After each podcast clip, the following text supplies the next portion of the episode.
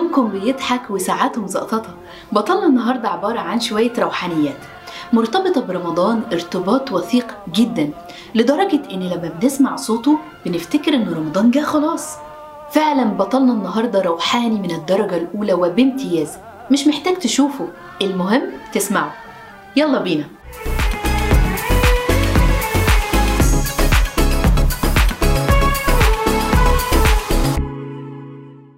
الراديو كان بيشكل جزء كبير قوي من الوجود الرمضاني لأن زمان ما كانش فيه وسائل الترفيه اللي موجودة زي دلوقتي. فكان رمضان مرتبط بالراديو بشكل كبير قوي وخصوصا في القرآن ودروس القرآن والتواشيح. يعني في حاجات كده صعب ننساها مهما يعدي عليها الزمن. زي صوت القرآن اللي قبل أذان المغرب. حد فيكم فاكر مين اللي كان بيقرأه؟ الشيخ محمد رفعت. ومين فينا ما يسمعش صوته وارتبط صوته بقرب الفطار وقرب أذان المغرب؟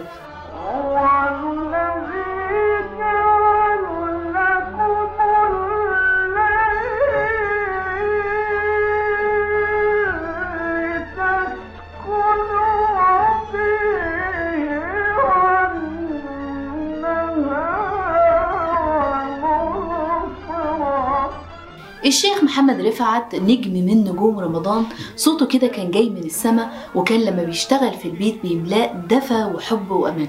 الشيخ محمد رفعت من مواليد 9 مايو 1882 في درب الأغوات في حي المغربلين في القاهرة. اتولد لأسرة بسيطة جدا ووالده كان مأمور في قسم الجمالية في القاهرة. الشيخ محمد رفعت والده توفى وهو عنده تسع سنين ومن وقتها أخذ مسؤولية أسرته اللي هي مكونة من والدته وخالته وأخوه محرم.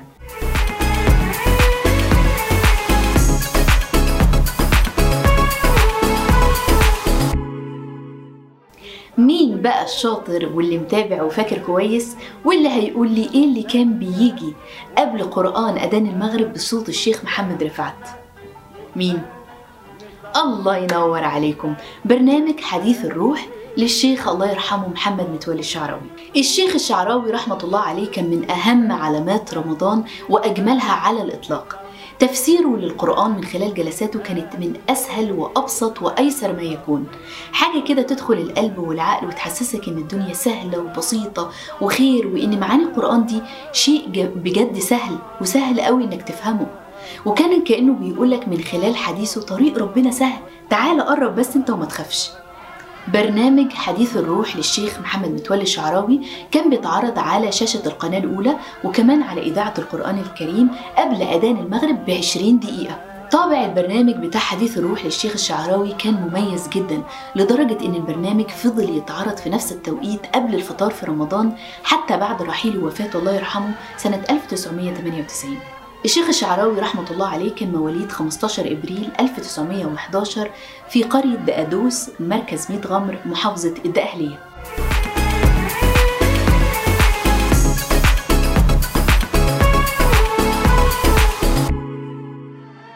التواشيح. أكيد كلنا عارفين إن التواشيح فن مصري أصيل.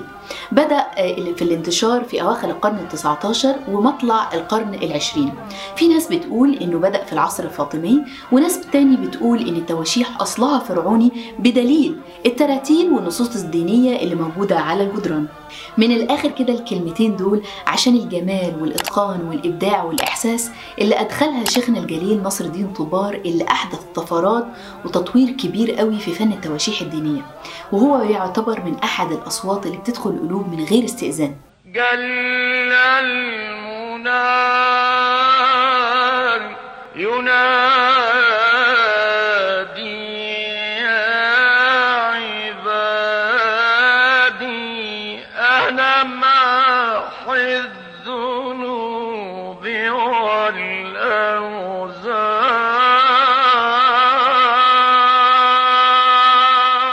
نصر الدين طوبار هو منشد إسلامي وقارئ للقرآن اتولد في مصر وتوفى أيضا فيها وهو من مواليد المنزلة محافظة الدقهلية.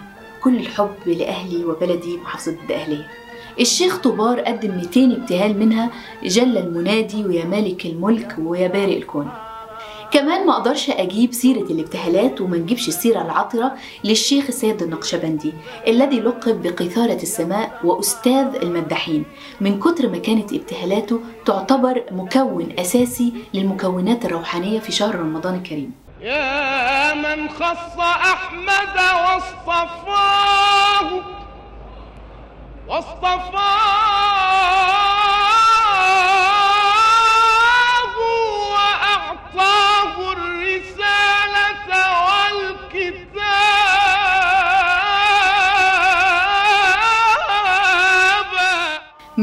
فينا ما بيحسش بحالة الخشوع والخضوع أول لما بيسمع مولاي إني ببابك قد بسطت يدي.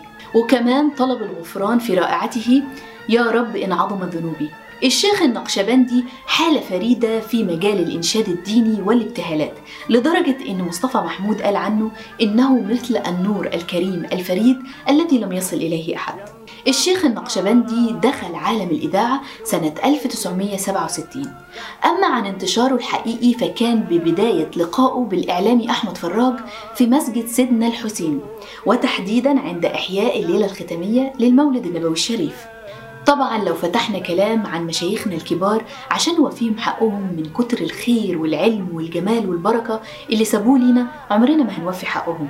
وممكن نحتاج حلقات وحلقات وحلقات عشان نتسلط الضوء عليهم وعلى جمالهم والخير والأثر اللي سابوه وبرضه مش هيكفي. إيه رأيكم في حلقة النهاردة؟ وأبطالنا النهاردة مشايخ رمضان. يا ريت ما تنسوش تتابعوني على مواقع التواصل الاجتماعي ريم صبري First وكمان عشان الفايدة والمعلومات توصل لأكبر عدد من الناس. يا ريت ما تنسوش like و share وتابعوني في حلقة جديدة مع بطل جديد من أبطال المسرح الرمضاني. ليكم مني كل الحب. رمضان سعادتي مع ريم صبري. برنامج رمضان سعادتي برعاية شركة Empower أول شركة وتطبيق للصحة العقلية والنفسية للشباب في الشرق الأوسط. ولو عايزين تستمتعوا بحلقات برنامج رمضان سعادتي بالصوت تقدروا تسمعوا الحلقات الصوتية على أنغامي Spotify Apple Podcast Google Podcast SoundCloud Amazon Podcast